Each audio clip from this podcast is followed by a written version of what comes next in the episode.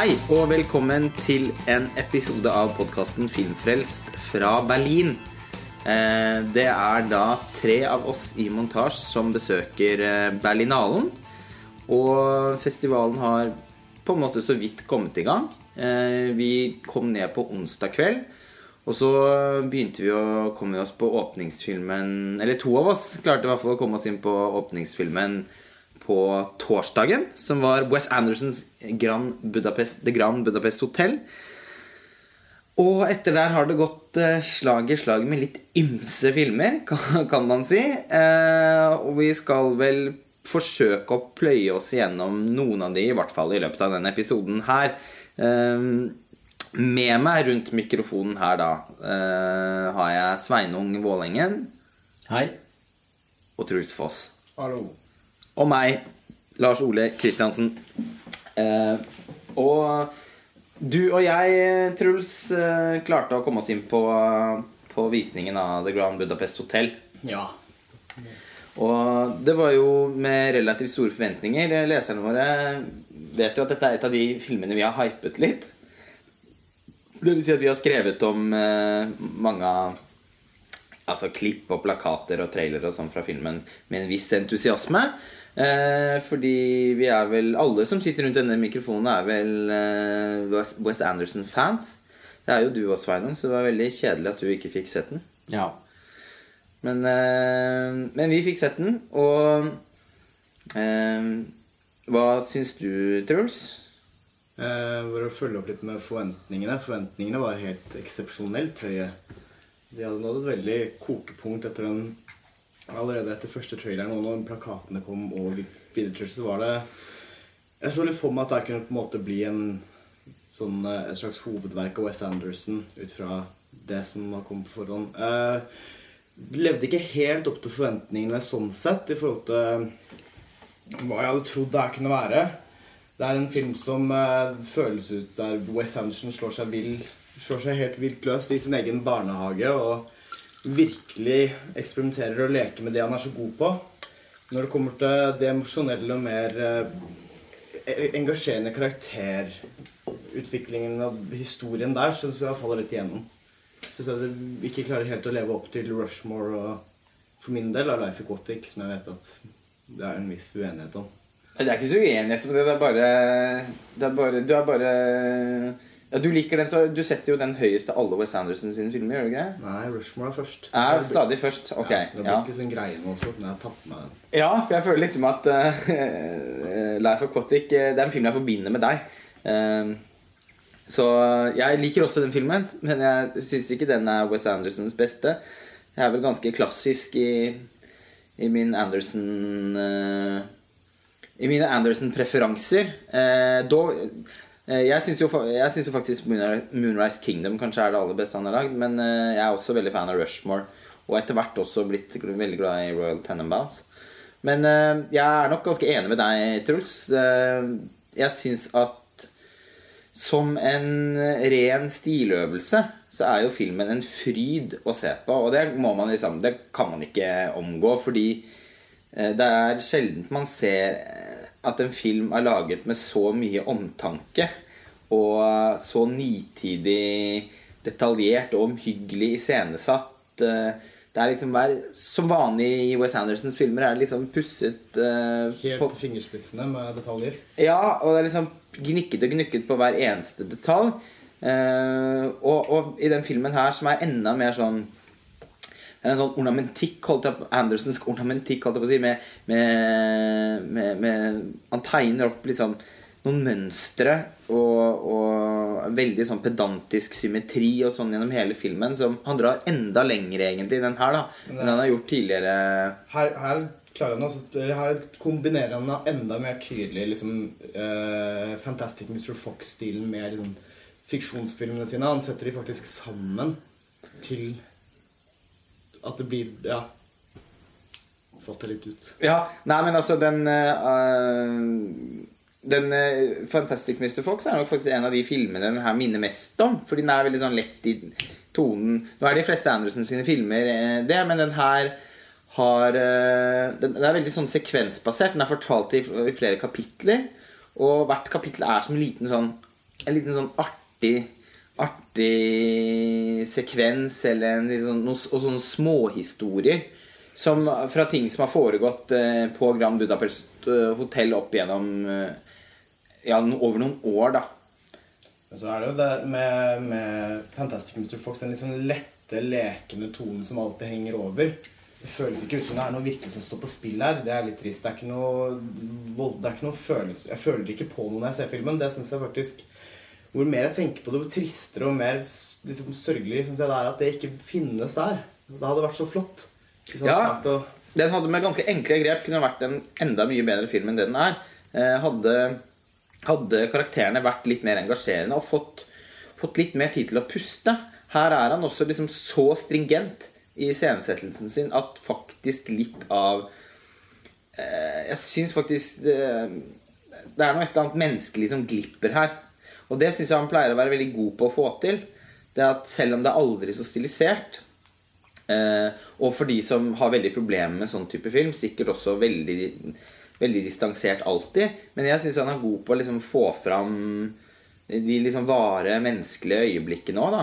Og i den filmen her prøver han på det et par ganger, men der syns jeg ikke han lykkes helt, faktisk. litt, blir litt påklistra påtatt. De gangene han går inn for liksom, Nå skal vi føle litt, og da blir det veldig tydelig at man skal gjøre det. Ja. Og det er det jo i de andre filmene hans også, men der er han flink til å bygge det opp og etablere det på en mye mer eh, På, på en litt overfladisk, men veldig sånn ektefølt måte, da. Det syns jeg ikke det er her. Ja, han er liksom god til å stoppe opp og ha og liksom eh, ta seg tid til et liksom vart øyeblikk mellom to mennesker som som, som måtte bli troverdig oppi alt uh, Oppi alt ståheien, holdt jeg på å si.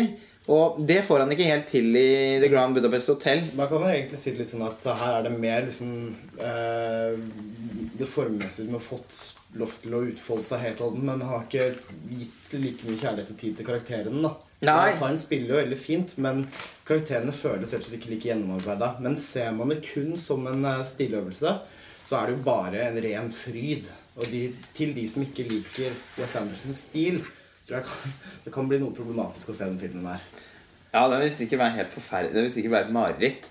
Hvis du, hvis du ikke liker Wes Anderson. Den er jo eh, Ja, kanskje den mest Anderson, Andersonske Anderson-filmen så langt. Eh, det eneste som faktisk er litt annerledes med den her, er koloritten. Han er jo som regel veldig gul. Uh, og dette er ikke en så gul film. Den er mer Rosa. pas, ja, rosa pastellfarga. Så sånn sett så er det noe nytt. Eh, og- også oppi alt det velkjente. Men, eh, men, men filmen også, den er veldig fint spilt. Jeg syns at Ralph Fiennes eh, er veldig veldig fin i hovedrollen.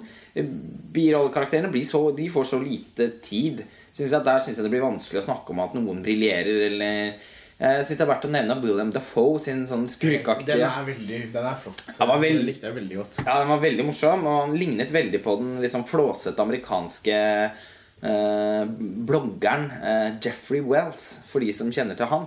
Så han går mye rundt i området her òg, og har en ganske sånn oppsiktsvekkende en litt oppsiktsvekkende framtoning. Så han eh, Jeg tenkte veldig mye på det underveis i filmen, at, eh, at William Dafoe lignet en del på han, men det er nok neppe Neppe intendert. Eh, Vi var på, også på pressekonferansen til filmen, eh, og jeg fikk anledning til å stille et spørsmål der eh, som eh, gikk på eh, i hvilken grad Wes Anderson er inspirert av Stanley Kubrick, og, og, og i særdeleshet The Shining eh, i denne filmen her, fordi det er ganske mange en del av iscenesettelsen og, og kameraarbeidet og sånn som så, nesten så åpenbart føles som noe som kunne eh, Som noe fra The Shining da og Overlook Hotel. Og ikke minst det at den er skutt i Academy Ratio i seg selv.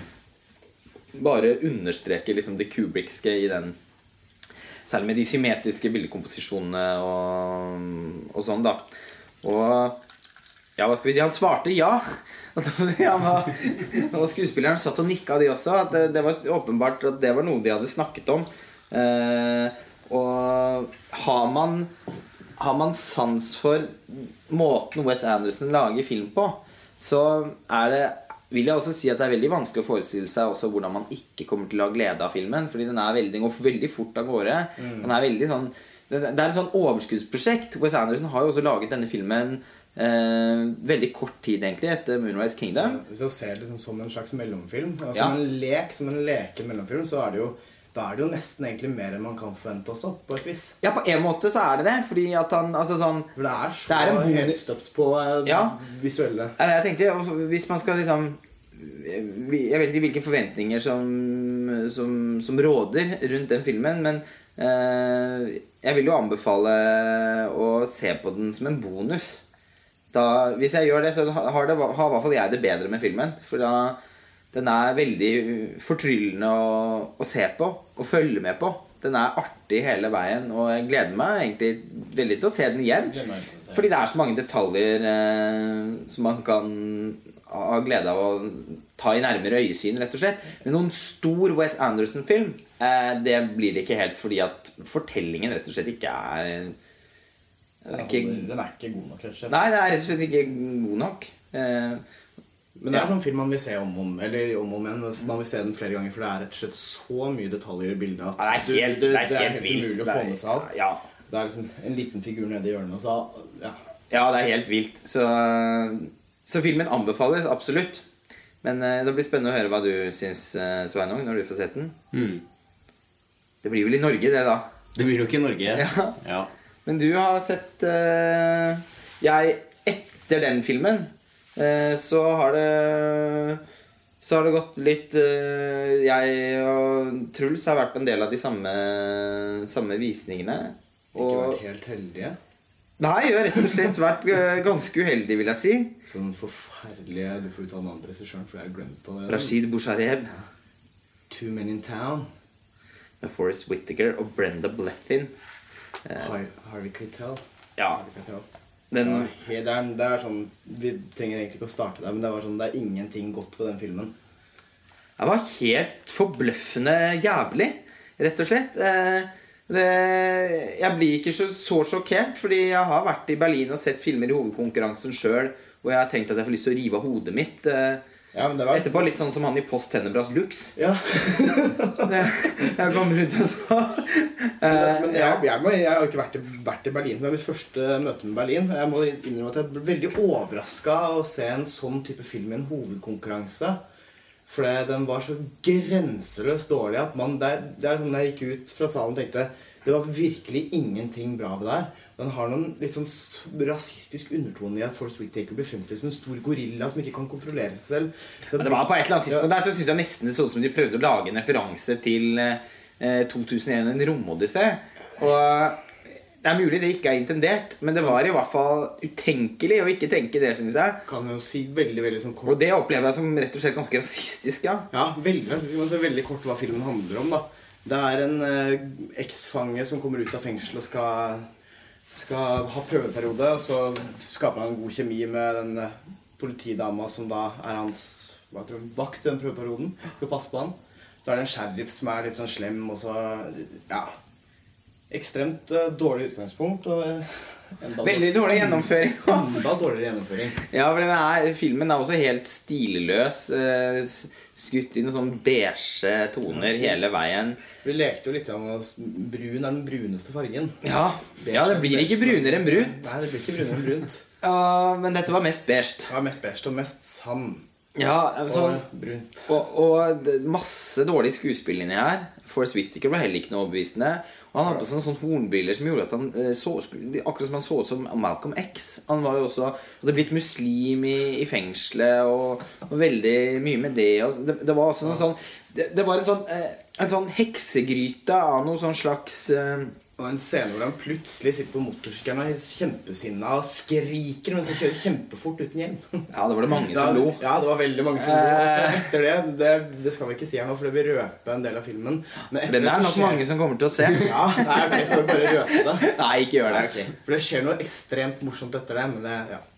Ja, eh, I tilfelle den kommer direkte på video og noen har lyst til å gi den en sjanse. Det, blir, altså, sånn sett, det, det er også feil å si det er ikke en rasistisk film. Det kan høres det kan nesten falle tilbake på oss som sitter og, og, og tolker det den veien.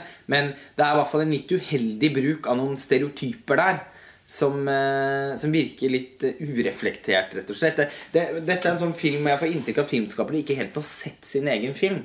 Nei, så virker det jo det, Ikke fordi de har vært så inne i materialet, for det har jeg heller ikke følelsen av. Men det virker liksom som de ikke helt har sett filmen, fordi den framstår annerledes enn den har lyst til. Og den virker jo, det virker liksom ikke som det helt har vært i kontakt med noe av prosessen her. Synes jeg, det, er så fjernt fra Det er noe som Det er, det er litt som øh, øh, åh, omsorgssvikt da, for filmen, på et vis. Ja, det, ja, det fanger Ja, presis det. En, om, en omsorgssvikt i alle ledd. Mm, ja. Men den filmen nok Den kommer nok ikke noe vei. Det, det er i hvert fall min spådom. Eh, og etterpå så har vi også sett eh, amerikansk indiefilm som het eh, She's Lost Control. Som henviser til en Joy Division-sang. Og Kult. Og Da tenkte jeg kanskje at det kunne bli litt sånn søt indiefilm av en sånn ung eh, hipster-filmskaper. Da, da, og veldig ikke sånn. veldig ikke sånn. Det var veldig indie, indie, indie. Ja, det var en indie-indie-indie-film eh, hvor alle hvisker og mumler istedenfor ja. Uten å være helt numblecore heller. Eh, Men, men det var veldig kjedelig. Og det, hadde noen fine tilløp underveis. Den handler om en slags dame som bedriver en sånn form for luksusprostitusjon, egentlig. Eh, Liksom med, med det å være psykolog også. ja, en, sånn, en terapi da, som også innebærer fysisk kontakt. Øvelse av det liksom, med fysisk kontakt hos, hos, for menn. Da.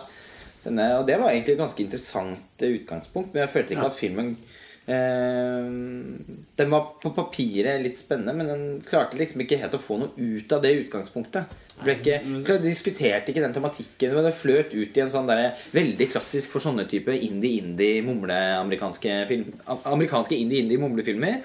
At den på et eller annet tidspunkt så er det noen som blir rasende. Og så Klimakset bygges liksom ja, opp av og liksom så tar det slutt etterpå når liksom ting er litt vanlig igjen. Men jeg, ja, jeg, jeg, syns, ikke den var hakket bedre enn deg. Jeg syns ikke det var en god film i det hele tatt. Men jeg syns det den var ikke det. Etablere en tone på starten. Den ble jo for, Den ble jo ødelagt på slutten, den tonen. Men den fikk en sånn indie-indie-tonen, for å kalle den det, som jeg satte litt pris på i starten. Ja, etter å ha sett den Bouchareb-filmen eh, så er det klart at sånn- da er man i spandabelt modus. Eh, den første halvtimen var skikkelig ok. Skikkelig ok. Ja, der, der, da er vi enige. Skikkelig ok. det er jeg helt enig i, men det rakner litt etter hvert. Men det var, det var, det var ikke en ufilm. Det var det ikke. Eh, det var er- derimot den vi så etterpå. Det var en ufilm, ja. Ten Minutes. En uh, koreansk, sørkoreansk uh, Young et eller annet, ja. som uh, var satt til noen kontorlandskaper. Og var en komedie, da. Så var det nesten litt sånn The Office-aktig. Det var virkelig ikke morsom. Eh, for det var, det var helt umulig å forstå humoren. Og det var ingen som lo i salen. Ingen! Så det var sånn Og det var en komedie. Det var eh, Virkelig ingen som lo. Det er, så det er litt morsomt å sitte og tenke på hvis noen sitter der og prøver å hyperintellektualisere der og gjøre et, få noe ut av det. Da blir det This litt morsomt. it says so much about the situation today in Korea South Korea and it, the way it depicts ja, Jeg aner ikke hva man kan Man kan sikkert si jo, Det høres mye veldig flåsete ut, eh, men eh, den var også i den kategorien en sånn skikkelig festivalfilm som det virkelig er vanskelig å få noe, noe særlig ut av. Eh, og, ja, og i dag så har vi sett en dokumentar om de opptøyene utenfor Wall Street. Som eh, ja, ja, som, som Jeg er kanskje ikke Sveinung sitter og ler her. Ja, Nei, nei, det, Jeg må ja, ja, kan vi komme tilbake til senere, men det har vært mye heldigere enn dere i filmvalgene. Det høres ut som dere liksom bare har på et eller annet sånt tilfeldigvis havna i den ene dårlige situasjonen etter den andre ja, vi har på et vis i det. Ja. programmet. Ja. Det er jo ikke helt Og den det... Wall Street-dokumentaren var i og for seg Den var ikke uinteressant, den. Men det var ikke en som film Det var ingenting som film. Det var et TV-program som var blåst opp på Og, og det er jo ikke helt det man drar på festivalen i Berlin for å oppleve Det heller. var, så var det, jo, det var jo opplysende og interessant Eller ikke interessant, det vil jeg ikke si, men den hadde noe fin informasjon. Men det blir veldig som du sa, TV. Det blir litt sånn Det en og en halv. Veldig. Men det var et spennende tema, og jeg synes det var, det var noen sterke bilder her med noe forferdelig politivold og sånn som, som jeg opplevde Som var veldig provoserende. Så den klarte å igangsette noen følelser hos meg, den filmen. Det skal Men den i ha. tillegg til Ja, ja men jeg synes mot slutten så ble den ekstremt manipulerende i måten den heva opp alle disse karakterene. Som sikkert er veldig bra, gode mennesker som er med på å starte Occupy Wall Street. Det er ingen tvil om at det er utrolig mye bra initiativ der. Men måten filmen Det blir så tydelig at den er manipulerende. Er liksom disse små virkemidlene som gjør den litt problematisk for min del. Ja, jeg skjønner, jeg synes du hadde et veldig godt poeng når vi gikk ut av salen hvor du sa at den på sitt verste på slutten der så ble den liksom litt som de reklameinnslagene i Starship Troopers og Robocop. Ja, den det ble litt Det var, det var veldig sant, faktisk. Men øh, den, den gjorde det. Ehm, men øh, Og jeg var og så den øh, også i hovedkonkurransen, den Monument Men, den nye filmen til George Clooney. Og det mindre sagt om den, dess bedre, holdt jeg på å si. Det er ikke det at filmen nødvendigvis er en katastrofe, for den er litt sånn den, har, eh, den er fryktelig gammeldags. Det er liksom støv og møllkuler lang vei. Men det er også noe sånn litt sånn trivelig med den som gjorde at hvis jeg hadde sett den på, på, på TV på en ettermiddag i romjula, liksom, så tror jeg nok den kunne vært litt artig. Eh, men den blir både Den handler om en, en, en gruppe slags soldater som skal redde viktige kunstverk eh, fra, fra krigen, da. Eh, som nazistene For de tok jo Det var mange byer som selvfølgelig som ble bomba og brent ned og, og sånn. Og da var også fare for at veldig mange viktige kunstverk gikk glipp, eh, ble ødelagt. da Eller eh, kasta, rett og slett. Og de forsøker å redde da noen av disse viktige verkene, som Michelangelos statuer og noen malerier av, av Vermeer osv. Um, og det, det er noe litt sånn sviskete med det utgangspunktet rundt at ja, det var viktig For det ble jo ofra noen liv og sånn for dette her. Altså, det var viktig å ta vare på kunsten for de generasjonene som kommer etterpå. Eh, som sagt med litt sånn tindrende tårer i øya med, av George Clooney med sånn tale til slutt og sånn, som var ganske pinlig. Og filmen hadde en sånn selvelskende tone som jeg ikke kunne fordra. Eh, rett og slett. Og den var Ut ifra traileren og dømme på den, så husker jeg få en følelse av at Bill Murray er veldig malplassert i den filmen. Kan det stemme? Ja, nei ja, Både ja og nei, holdt jeg på å si. Han gjorde jo verken noe fra eller til. Jeg syns alltid det er litt morsomt med Bill Murray. Eh, og Bob Balaban òg, i og for seg. Det var jo rene Wes Anderson-casten. Men jeg følte vel ikke at George Clooney som regissør klarte å få like mye ut av det var, Og John Goodman. Det var en litt sånn krampakt over den der triveligheten, syns jeg. Og filmen var, prøvde også å være litt spennende, og den var ikke det. Eh, Det var som en sånn Indiana Jones eh, Det kunne vært sånn Indiana Jones 5, men en katastrofe for fans. altså sånn eh, den, den er liksom Ja, uten alle de tingene som gjør Indiana Jones veldig bra, da. Eh, minus den fjerde filmen, som ikke er fullt så god. Men eh, den er eh, også en merkelig film å se. Men jeg skjønner veldig godt at den, eh, den er her, Fordi da får de stjernene til å komme. Og det var helt kaos rundt den pressekonferansen etterpå. Da var det helt umulig å komme inn. Eh, og George Clooney og Matt Damon var der. Og så, de har sikkert hatt det veldig morsomt når de har laget filmen. Og jeg tipper også det er en film som et stort publikum kan finne på å like litt. Men eh, jeg var ikke, ikke spesielt imponert. Men, men igjen, i forhold til det verste man ser her, så var den vel ikke Det var ikke en skandale, den heller. Det høres litt sånn kosete også i forhold til Ja, altså det.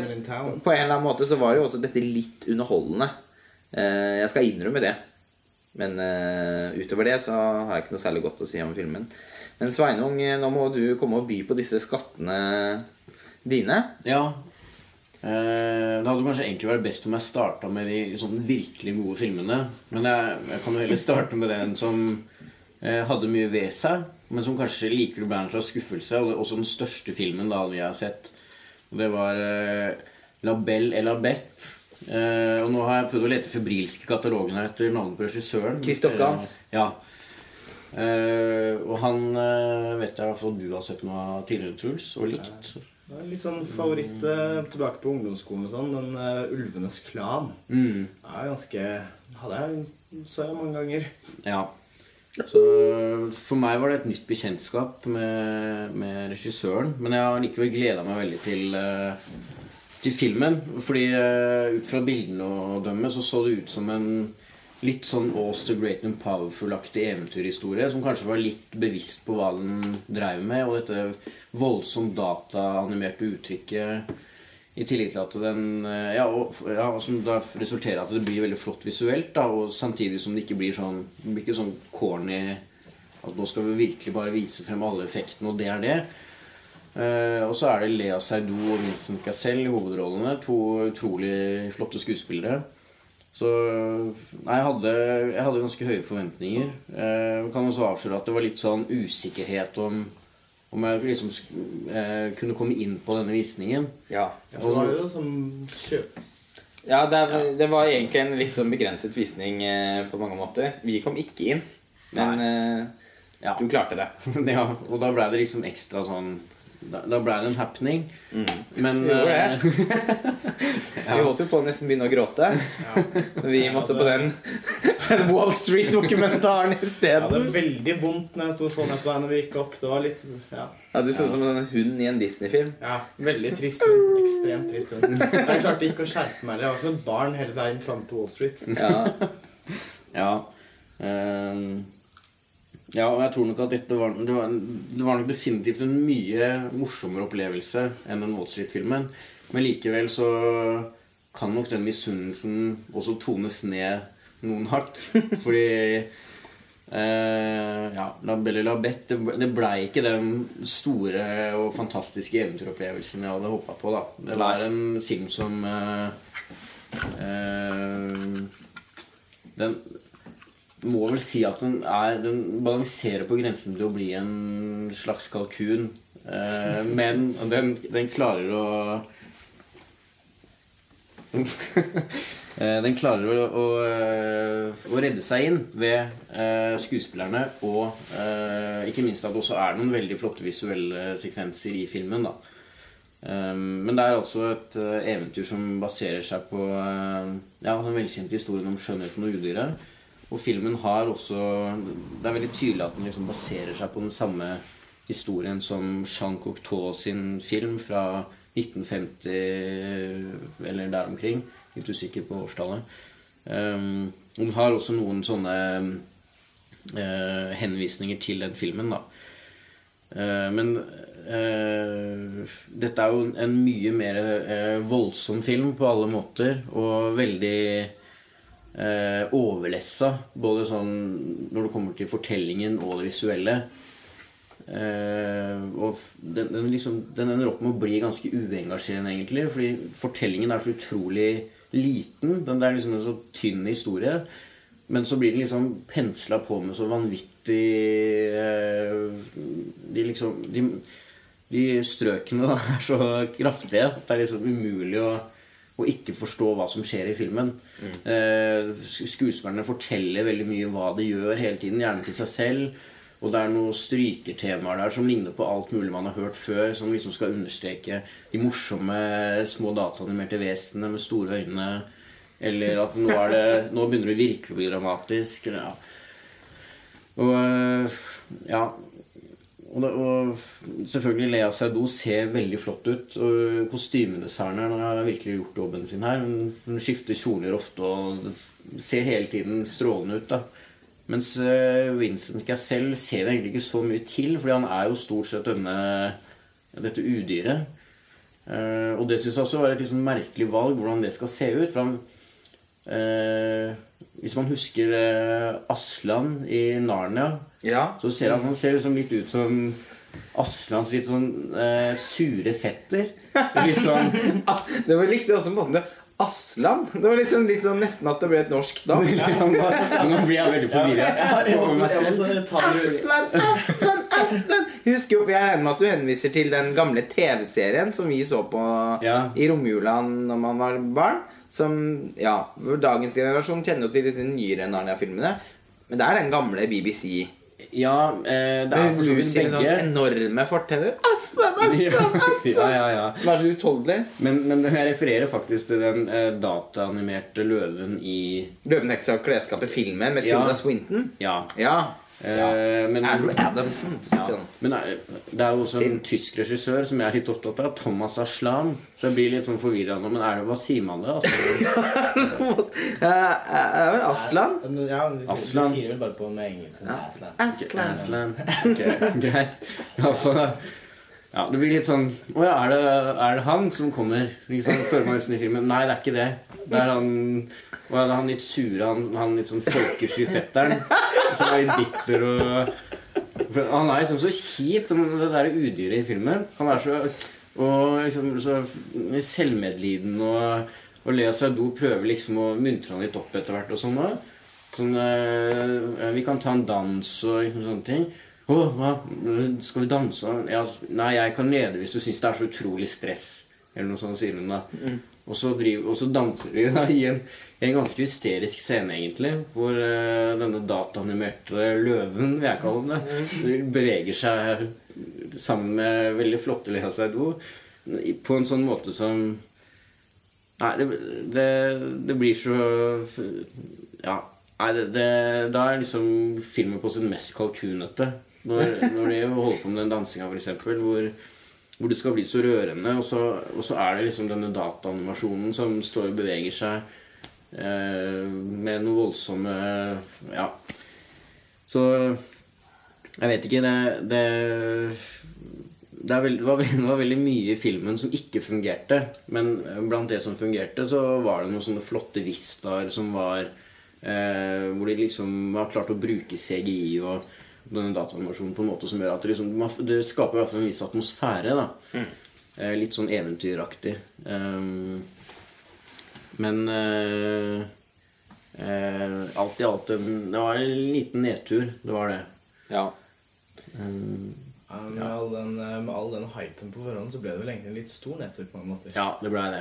Jeg, liker, jeg liker å høre Dette er en veldig intern hype. Bare, så det er sagt. Men vi har også skrevet om traileren til den filmen og sånn på montasje. Så det kan hende noen av dere lytterne har, har bitre merke i den. Og han Christoph Gans har jo da tidligere laget en Ulvenes klan, men har også laget eh, filmatiseringen av Silent Hill-spillet. En film som det er ganske store uenigheter om. Den, noen syns jo det er kanskje den beste så langt eh, I hvert fall på sin tid den beste dataspilladaptasjonen. Mens andre syns jo det er en helt forferdelig film. Jeg har ikke sett den. Har ikke sett den. Har den på DVD, for jeg har alltid hatt litt troa på den.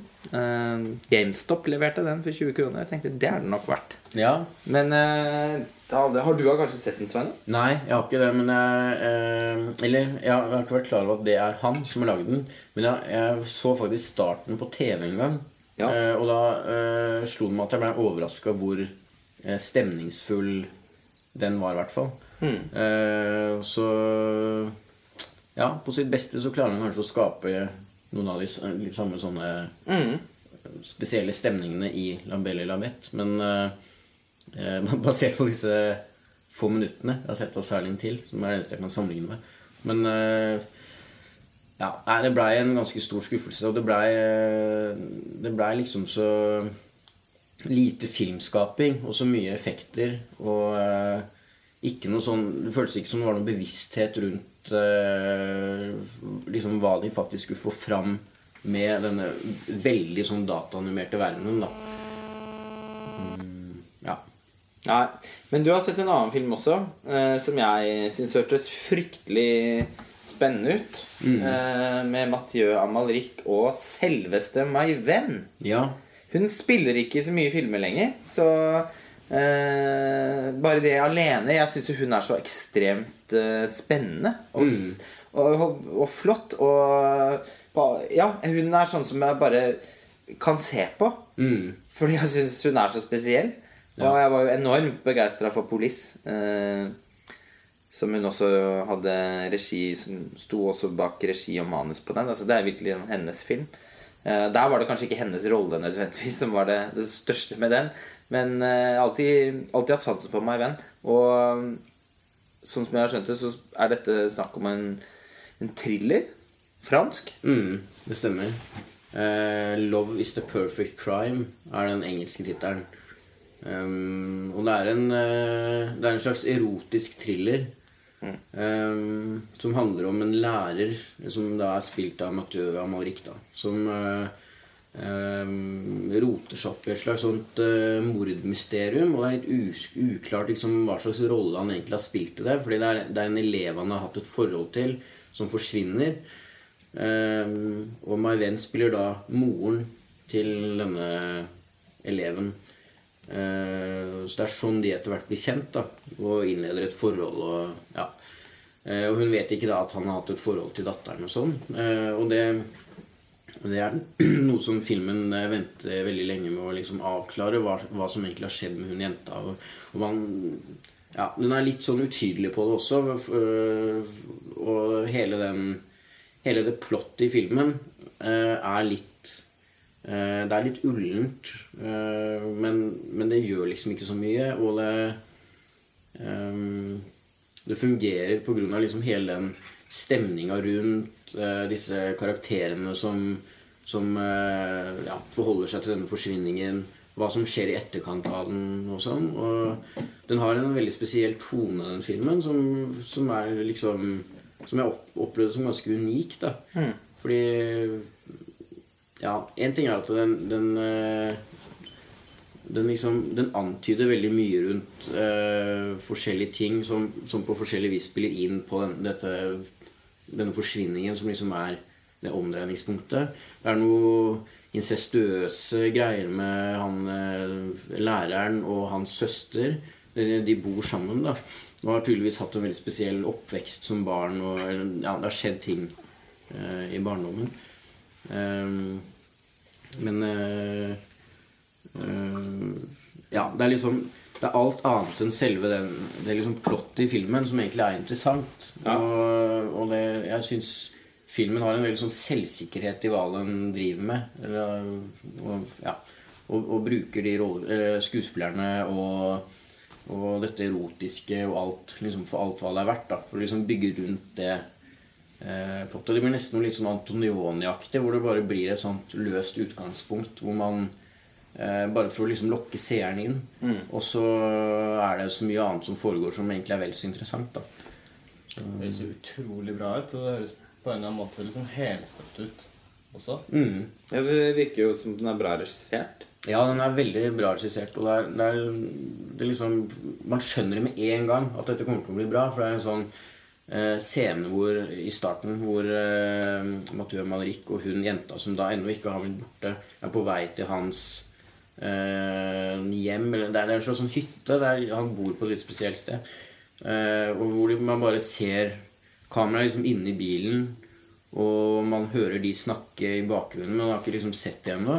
Så ser man bare hva de ser gjennom frontruta i bilen. Og det er så det er sånn snølandskap og liksom trang vei oppover i skogen eller i fjellet eller hvor det er.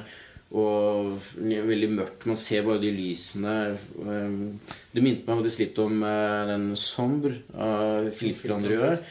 Eh, selv om det er bare akkurat i den åpningssekvensen. Det er ikke så mye annet som, eh, som minner om han. Men det, var, det er noe med den der uroen som skapes. eh, Og man liksom Man skjønner at det her kommer til å bli litt uhyggelig, selv om det egentlig bare er sånn veldig realistisk, det man ser. da Og så ja, så liksom fortsetter filmen og har liksom etter dette veldig bra anslaget. Med ganske nøktern regi, egentlig, men, eh, men veldig stødig og ja, veldig sånn Bruker arkitekturen inne på den skolen for det det er verdt. Og eh, Ja, nei. Det det høres veldig, veldig bra. Så. Ja, det, den håper jeg virkelig ikke da blir en av disse filmene som bare forsvinner, eh, og som man aldri får muligheten til å se med engelsk tekst igjen. Nei, for det kan den fort bli. Eh, Det er jo en ganske eh, Dette er jo også en ganske uetablert regissør, som jeg nå heller ikke husker hva heter, selvfølgelig. Men, men veldig sånn, den kom veldig ut av intet, da, den filmen her. La oss håpe da at Mathieu Amalrik eh, i hvert fall kan klare å Og My Venn, men jeg tror nok han eh, Han har jo veldig høy status i Frankrike, i hvert fall. Så kanskje han kan dra, løf, dra fram Hjelpe til å dra filmen, da. Til, til, å finne et, eh, til å finne et publikum. Hvordan, hvordan var My Venn, da? Hun var veldig, veldig bra. Hun, øh, øh, er, Jeg følte at hun liksom bare var seg selv da, i Ja, filmen. hun er jo alltid det. Uh, ja. Uh, og det er Det blir liksom Det fungerer ekstra bra når det etter hvert liksom avsløres noe mer rundt hennes uh, rollefigur. Um, hvor Ja, da blir, da blir det liksom ekstra bra, det der. Mm. Uten å avsløre noe mer om det. Men, men, men ekstra bra det at hun liksom bare har vært denne. Hun har liksom bare vært der. Bare dukker opp i filmen. Eh, blir kjent med han læreren og, og bare er spennende å følge med på i kraft av at hun er my venn. Ja, Og, ja. som alltid. Ja. Men hun er altså Hun har noe et eller annet helt spesielt. Mm. Det, og det føles ut som en sånn litt sånn tåpelig ting å bemerke, for hun er så opplagt spesiell. Mm. Men, men hun Ja, hun har noe et eller annet eh, som jeg syns er veldig flott. Så ja, det gjør jo at jeg får særlig store forventninger til den filmen. da Men Det er morsomt at den heter Love is the perfect crime, som er egentlig en sånn daff tittel. Ja. For det er jo også da veldig likt tittelen til den Alain Corneux-filmen. Crime d'amour, eller Love Crime, som den ble hetende på engelsk. Som jo er den filmen som Passion av Brian De Palma er basert på. Ja. Og det er jo også en erotisk thriller. Mm. Så ja Kriminalitet eh, Mord og erotikk, det det, går, det kan gå hånd i hånd. ja. Eh, Det går veldig, ja, det går veldig hånd i hånd i den filmen der. Og det Den erotikken eh, handler jo i størst grad om eh, egentlig disse ungjentene på skolen. Eh, der hvor denne læreren jobber. Og det, er, det er alltid noe sånne er, eh, Selv i de situasjonene hvor ikke han læreren snakker med noen jenter som, hvor det liksom oppstår en slags sånn seksuell eh, kontakt. Selv i de scenene hvor han liksom bare går rundt inne på skolen der eller snakker med noen andre, eller sånn, så er det alltid noen sånne pene unge jenter som liksom dukker opp i bildet. Nesten sånn bare for å liksom hamre det inn at liksom her her er det mye han læreren lar seg lokke av. Eh, Det er vanskelig å, å beherske Det er jo så bra, for det er jo også sånn utgangspunkt som også høres veldig tufsete ut. Ja. Men eh, som eh, Det er jo det som er med hele liksom, erotiske thriller generelt. Da, de har jo ofte et veldig sånn søplete utgangspunkt. Men eh, hvis det er en regissør som, som kan klare som, som kan visuell historiefortelling, så kan det ofte bli litt sånn ren film av det. da Mm. og det høres det jo litt ut som det har blitt her. Så den håper vi den, den, Ja, den håper jeg jo i hvert fall virkelig at vi, man får muligheten til, til å se. prøve å få sett den Abs ja. Det er vel da den sterkeste anbefalingen egentlig fra denne podkasten. Som er den første av flere vi kommer til å ta opp her i Berlin. Litt slitent så langt for, eh, for, noen, for noen av oss. Eh, Men eh, herfra kan det jo på en måte bare gå oppover, tenker jeg. Og i morgen så skal vi se den lange versjonen av Nymphomaniac. Del én. Ja. Av, det, ja. av den første delen av Nymphomaniac. Og det er i hvert fall en begivenhet som blir veldig spennende uansett. Og den skal vi lage en egen podkast om, så det blir vel neste episode, regner jeg med. Og så interessant å se hvem som dukker opp på pressekonferansen etter den. Om, selv om Lars von Trier ikke sier noe, om han bare sitter der og er. Ja, det hadde vært, eh, det hadde vært stort, det. Vi får, vi får se. Da tror jeg vi runder av for eh, denne gangen. Eh, Nå skal vi på en norsk fest og, og ta noen øl. Ja. Ja, og så ses vi skremmende tidlig i morgen til, til ny film i Berlinale-palasset. Og forhåpentligvis en god en. For det er en visning før Nymphomaniac Ja, òg. den begynner eh, 8.30. Ja, grøss og gru. Grøss og gru. Ja, nei, vi må prøve det. Vi må prøve. Ja, men eh, takk for nå. Takk for nå. Takk for nå. Ha det bra.